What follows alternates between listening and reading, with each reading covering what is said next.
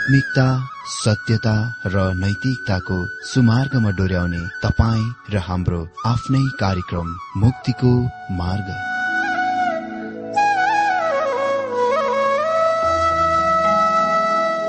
आदरणीय श्रोता यस मुक्तिको मार्ग कार्यक्रममा हार्दिक स्वागत छ। आशा छ यस आत्मिक कार्यक्रमद्वारा जीवनमा आत्मिक आशिष अलौकिक शान्ति र आनन्द प्राप्त गर्नुहुनेछ। र जीवनमा धन्य अनुभव गर्नुहुनेछ। आउनुहोस् श्रोता मन र आत्माको तयारीको लागि यो मिठो अनि मधुर भजन गीत सुनौ।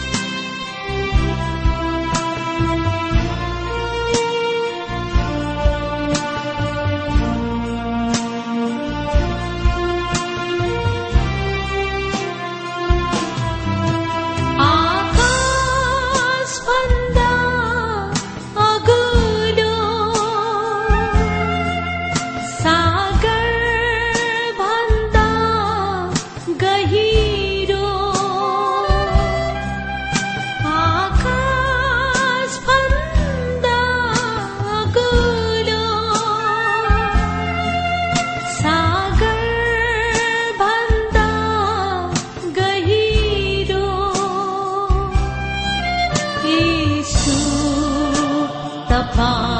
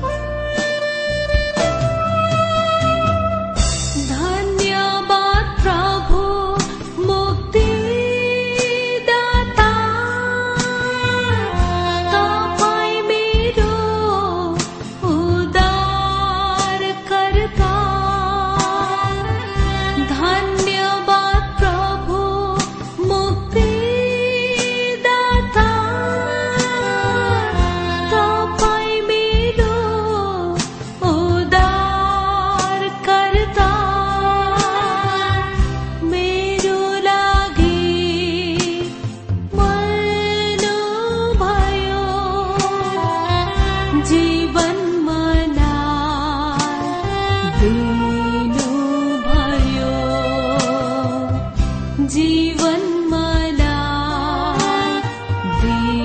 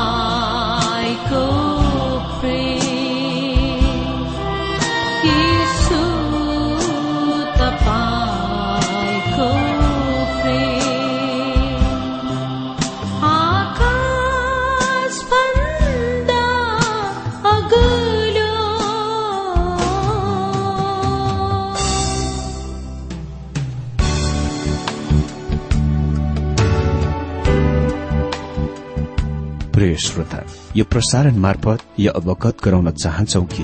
प्रभुको सेवाको लागि यहाँहरूको साझेदारी नित्यन्त आवश्यकता छ। यहाँहरूले प्रार्थनाको साथसाथै आर्थिक सहायता गर्न अनुरोध गर्दछौ। तपाईँहरूको सानोभन्दा सानो भेटी किन नहोस्? हामी प्रभुको नाममा स्वीकार गर्नेछौ। प्रभुको सेवाको लागि। तपाईँहरूको यो सानो लगानीले कसैको जीवनमा भिन्नता ल्याउँछ अनि प्रभुको महिमा हुन्छ। प्रभु तपाईँहरूलाई महान गरी आशिष दिनुहुनेछ। इच्छुक श्रोताहरूले तपाईँको इच्छा भेटी हाम्रो ठेगानामा पठाउन सक्नुहुन्छ जुन ठेगाना हामी कार्यक्रमको अन्तमा दिनेछौ। प्रिय श्रोता मित्र प्रभु येशु ख्रिस्टको मधुर अनि सामर्थ्य नाममा मेरो जयमसी तथा हार्दिक स्वागत छ आजको यो बाइबल अध्ययन कार्यक्रममा। श्रोता आज हामी बाइबल अध्ययन नहुम दुई अध्यायबाट आरम्भ गर्न गइरहेका छौं। अनि आज हामी खाली नहुम दुई अध्याय एकदेखि चार पदबाट बाइबल अध्ययन गर्नेछौ। मित्र यो दुई अध्यायको मुख्य विषय हो निन्वेको नष्ट गर्ने परमेश्वरको निर्णयको कार्यान्वयन मित्र नहुम दुई र तीन अध्यायमा हामी निन्वेलाई नष्ट गर्ने उहाँको निर्णयको कार्यान्वयनमा परमेश्वरको न्याय र भलाइपनको देख्न गइरहेका छौं। परमेश्वर खालि निन्वेलाई नष्ट गर्ने बारेमा मात्र कुरा गर्नु भएन। परमेश्वरले त्यो अक्षरस रूपमा गर्नुपर्ने भयो। भन्नुपर्दा उहाँले जे भन्नुभएको थियो उहाँले त्यो गर्नुपर्ने भयो कार्यमा व्यवहारमा। अनि उहाँले यसको अति नै उल्लेखनीय तरिकामा गर्नुभयो। त आज हाम्रो विषय हुनेछ असुरीहरूको सर्वनाश। नहुम अध्याय दुईमा असुरीमाथि भयानक दण्डको बारेमा नहुम भविष्यवाणी गर्दछन् र इतिहासले यसको अक्षरस रूपमा परिपूर्णताको साक्षी दिन्छ। परमेश्वरले यसको पहिलो अध्यायमा स्पष्ट रूपमा भन्नुभयो जहाँ उहाँ भन्नुहुन्छ एक अध्ययको चौध पदमा म तेरो चिहान तयार पार्नेछु किनकि त दुष्ट होस्। अर्को शब्दमा उहाँले असुरीलाई भन्नुहुन्छ म तलाई पूर्ण गइरहेको छु अनि मलाई विश्वास गर्नुहोस् बिल्कुलै त्यही नै भयो। नहुम दुई अध्यायको एक पदमा लेखिएको छ हे निन्वे एउटा छापामार तेरो विरूद्धमा बढ्दैछ। किल्लाको सुरक्षा गर। बाटो राम्ररी हेर। कम्मर कस। तेरो पूरा बल लगा। यसले मादी बाबेलका सैनिकहरूको संकेत गर्दछ जो छ सौ बाह्र ख्रिस्ट पूर्वमा याक्सुरेस र नाबोपोलरसको नेतृत्वको अगुवाईको अन्तर्गत असुरी विरूद्ध आएर त्यसलाई नष्ट गरे यो अति नै धेरै चाखलाग्दो छ कि नहुम व्यङ्ग्यात्मक शब्दमा असुरीलाई भन्छन्। तिमीहरूले आफैलाई अझ उक्तन गरी सुव्यवस्थित तरिकामा सुरक्षा गर्ने कोसिस गर। असुरीहरूले कसैलाई पनि छोडेनन् बाँकी राखेनन्। र तिनीहरूले सोचे कि तिनीहरू अति नै मजबुत थिए। तिनीहरू सामर्थ्य थिए। तिनीहरूका सहरका किल्लाहरू मजबुत र तिनीहरू कुनै प्रकारका दण्डहरूको सामना गर्न सक्थे। तर परमेश्वरले यो राष्ट्रलाई भनिरहनु भएको छ तिमीहरू नष्ट हुन गइरहेका छौ। तिमीहरूलाई नष्ट गरिनेछ दुई पदमा भनिएको छ परमप्रभुले याकुबको गौरवलाई इसरायलको श्रेष्ठता झैं फेरि फर्काउनुहुनेछ। यद्यपि ध्वंसकहरूले तिनीहरूलाई उजाड पारेका छन् र तिनीहरूका दागका बोटहरू नष्ट पारेका छन्। नहुम भनिरहेका छन् कि असुरीमाथि दण्डको लागि समय आइसकेको छ। किनभने परमेश्वरले आफ्ना जन इसरायलमाथि दण्ड दिने काम पूरा गरिसक्नु भएको छ र तिनीहरूलाई पुनस्थापन गर्न इरादा गर्नुहुन्छ। दुवै याकुब र इसरायलको उल्लेख चाहिँ दुवै यहुदाको दक्षिण राज्य र इसरायलको दक्षिण राज्यको संकेत गर्दछ। याकुब र इसरायलको उल्लेखले चाहिँ अर्को शब्दमा दुवै याकुब र इसरायलको उल्लेख चाहिँ दुवै यहुदाको दक्षिण राज्य र इसरायलको दक्षिण राज्यको संकेत गर्दछ।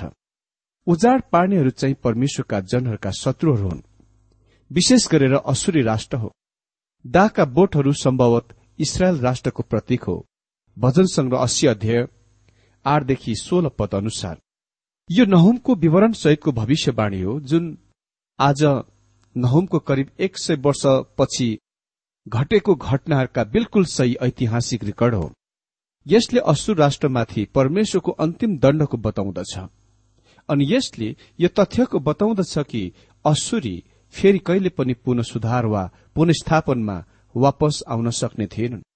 अनि असुरीले कहिले पनि पुनस्थापनमा वापस फर्कन सकेनन् र त्यो फेरि कहिले पुनस्थापनमा वापस हुने छैन। परमेश्वरको वचनको अनुसार बाबेले साथै अन्य केही राष्ट्रहरू पुनस्थापन हुनेछन्।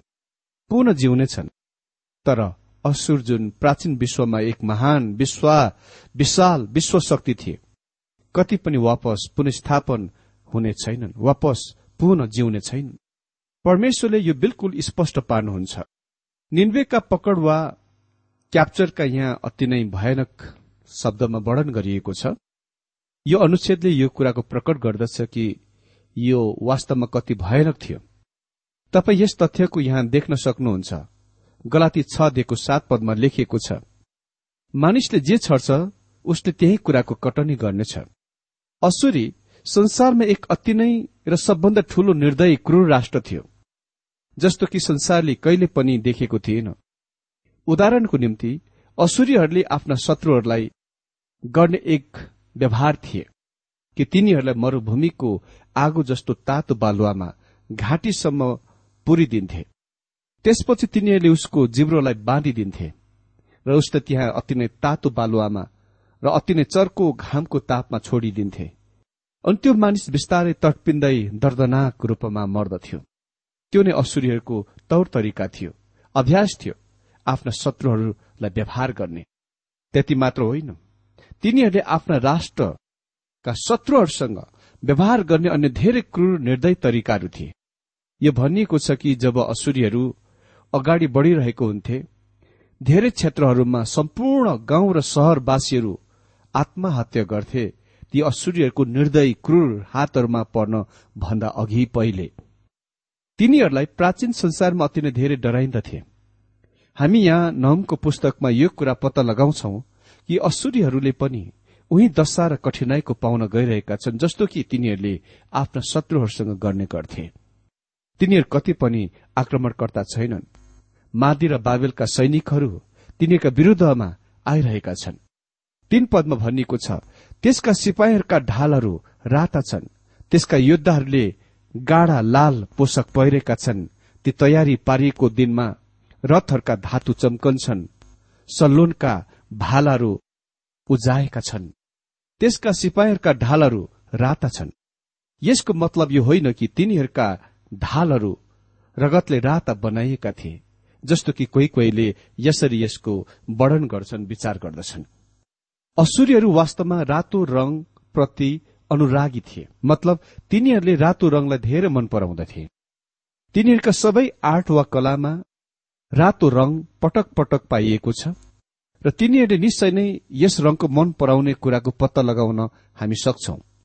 तिनीहरूले हरेक कुरा राता बनाउँदथे। कोही कोही धर्म विद्वानहरू विश्वास गर्दछन् कि तिनीहरू तामाका ढालहरू प्रयोग गर्थे र त्यस तामामाथि सूर्य प्रकाशको प्रतिविम्ब चाहिँ रातो देखा पर्दथ्यो। तिनीहरूले किन त्यसो गरे? यो विश्वास गरिन्दछ कि तिनीहरूले आफ्ना शत्रुहरूलाई डर देखाउन यो गर्थे। मित्र हामीले यो कुराको याद राख्नुपर्छ कि कुनै पनि लडाई वा युद्धमा शत्रुलाई डर देखाउनलाई यस्ता प्रकारका रणनीतिहरूको प्रयोग गरिन्दछ। तिनीहरू आफ्ना शत्रुहरूलाई जति सक्दो सकेसम्म डर देखाउन विभिन्न रणनीतिहरूको प्रयोग गर्न चाहन्छन्।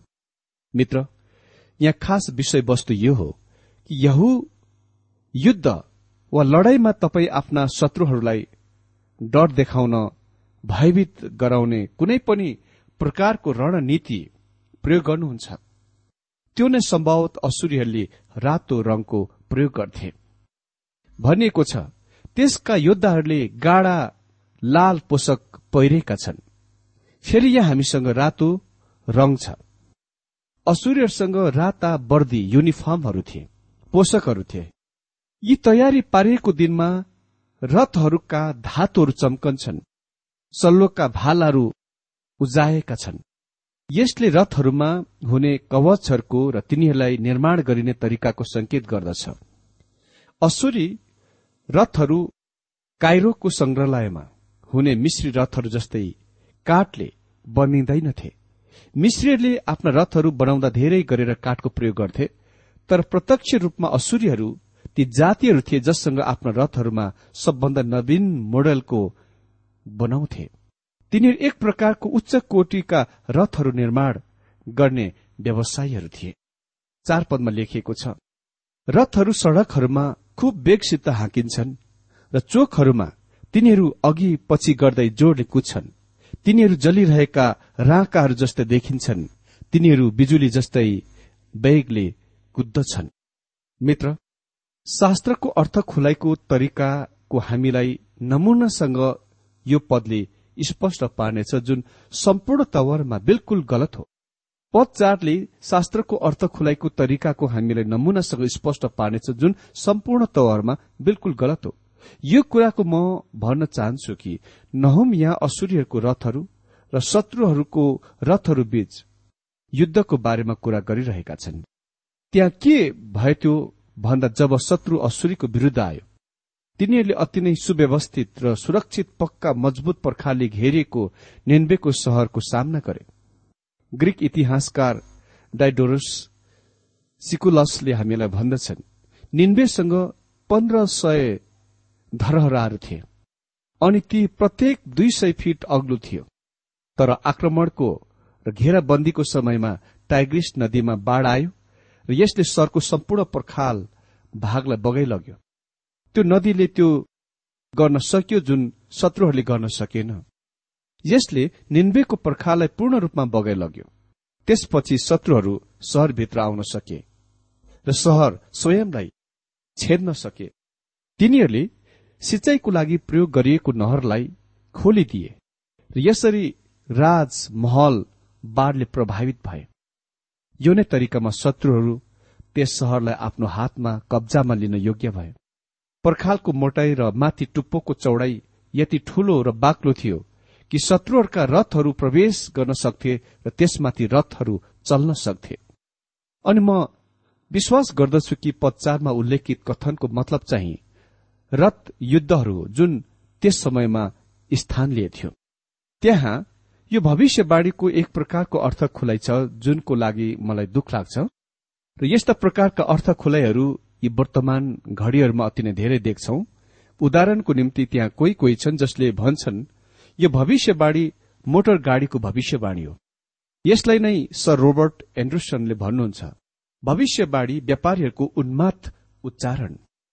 आज भविष्यवाणीमा धेरै रुचि लिएको देखिन्दछ किनभने विशाल विश्व घटनाहरू र विश्व संकष्टहरूले स्थान लिइरहेको छ। तर हामीले यो कुराको थाहा पाउन आवश्यक पर्छ कि हामी धर्ममत हट धर्मी बन्न सक्छौ। भविष्यवाणीको सम्बन्धमा प्रासंगिक सीमादेखि बाहिर निस्किजान सक्छौ। म विश्वास गर्दछु विन्स फर्म चर्चहरूले भनेको यो कथनमा हर धर्मी धर्ममत त्यो व्यक्ति हो जसले आफ्नो मनको बदल्न सक्दैन र उसले विषयको बदल्ने छैन परिवर्तन गर्ने छैन। केही मानिस आज खालि भविष्यवाणीमा मात्र रहिरहेका छन्। त्यस्तो त वास्तवमा यो सीमित विषय हो। त्यसो त वास्तवमा यो सीमित विषय हो। र तिनीहरू आफ्ना अर्थ खुलाइहरूमा हट धर्मी वा धर्मन मत भन्दछन्। हर धर्मी भन्दछन्।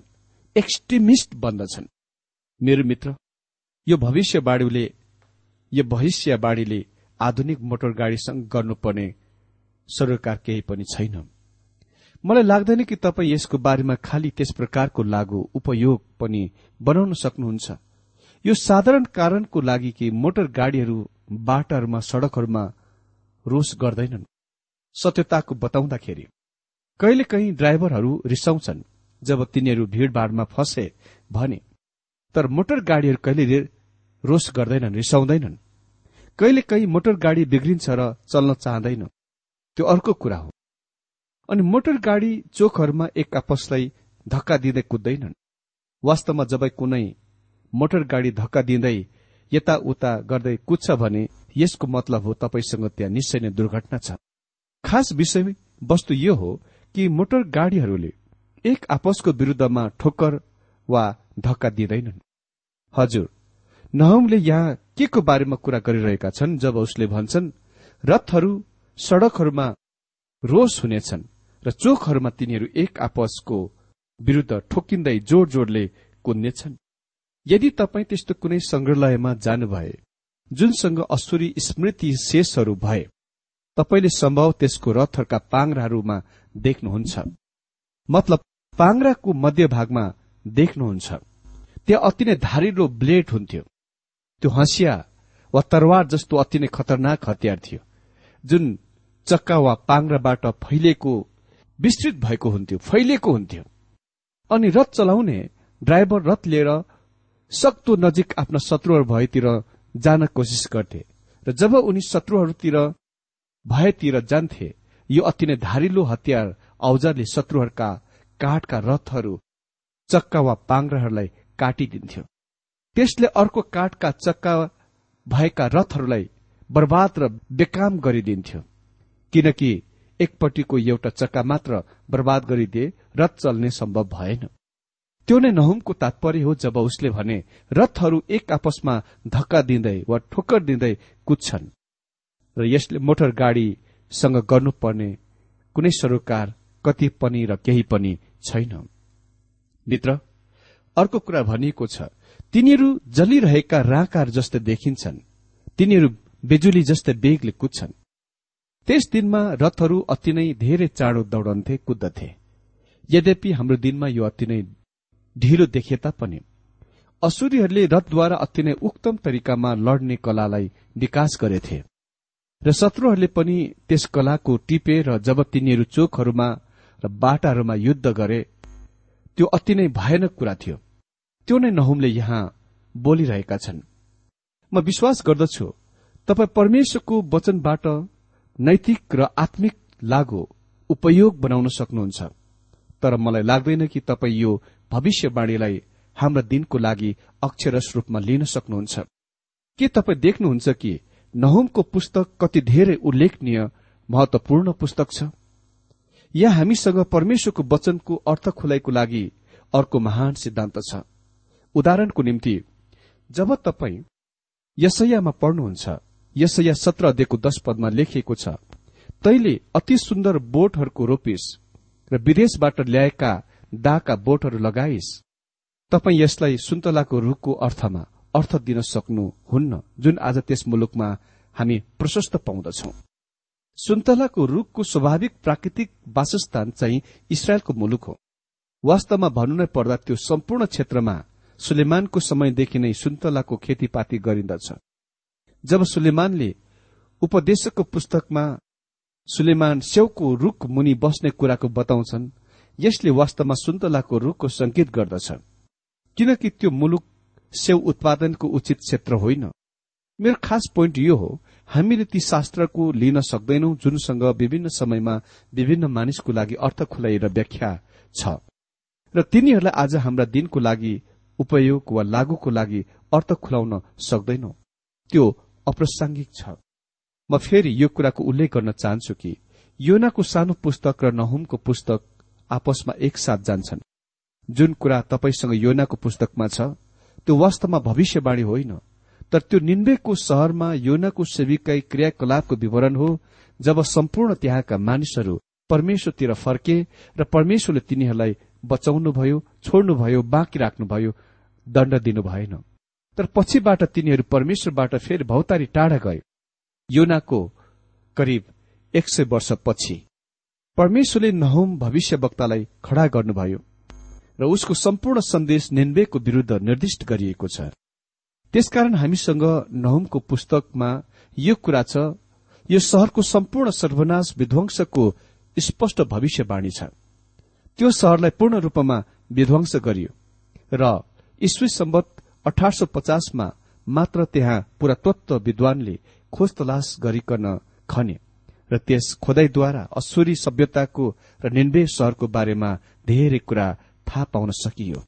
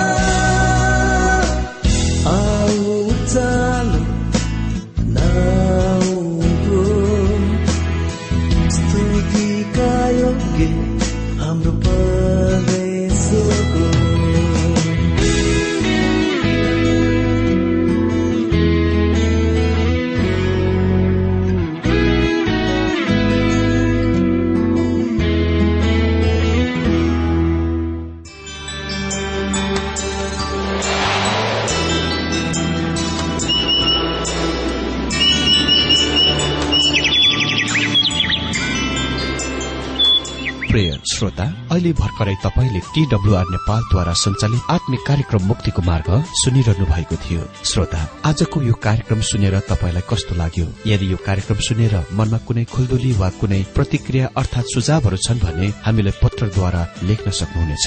हामी हृदयदेखि नै स्वागत गर्नेछौ स्वीकार गर्नेछौ साथै बाइबल सम्बन्धित प्रचारहरू कार्यक्रम सारणीहरू हामी अनुरोधमा पठाउन सक्छौ। अनि तपाईँसँग कुनै प्रार्थनाको विषय छन् भने हामीले तपाईँको लागि प्रार्थना गरेको चाहनुहुन्छ भने प्रभुमा आफ्नै परिवार सम्झेर हामीलाई पत्रमा लेख्न सक्नुहुनेछ। तपाईँको लागि हामी प्रभु येशुसँग प्रार्थना गर्नेछौ। अधिक जानकारी र पत्रचारको लागि हाम्रो ठेगाना यस प्रकार छ। कार्यक्रम मुक्तिको मार्ग जीपीओ नम्बर उनानब्बे पचहत्तर एपीसी पच्चिस एकसठी काठमाडौँ। ठेगाना एकपल्ट सुन्नुहोला कार्यक्रम मुक्तिको मार्ग जीपीओ नम्बर उनानब्बे पचहत्तर एपीसी पच्चिस एकसठी काठमाडौँ। हाम्रो इमेल एड्रेस हो TWR Nepal at Yahoo dot com साथै यस नम्बरमा एसएमएस गर्न सक्नुहुनेछ अन्ठानब्बे चार सत्तरी पैंतिस छ सय उनासी नौ आठ चार सात जिरो तीन पाँच छ सात नौ। हुन्छ श्रोता आजलाई हामी विदा चाहन्छौ। अर्को कार्यक्रममा हामी पुनः भेट्नेछौ तबसम्मलाई नमस्कार।